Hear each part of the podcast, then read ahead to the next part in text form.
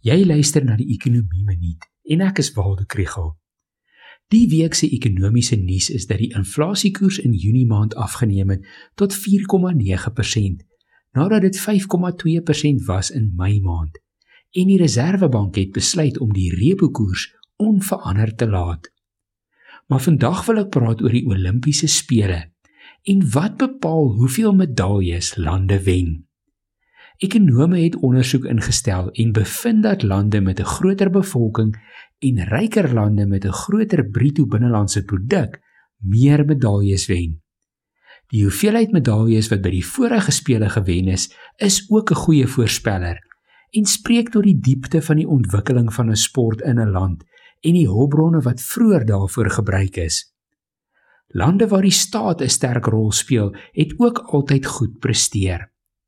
Indië is die uitskieter wat ekonome laat kopkrap.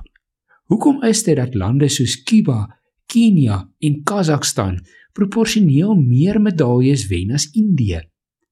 Die navorsing wys dat dit gaan oor meer as die ontwikkeling van onderwys en gesondheid.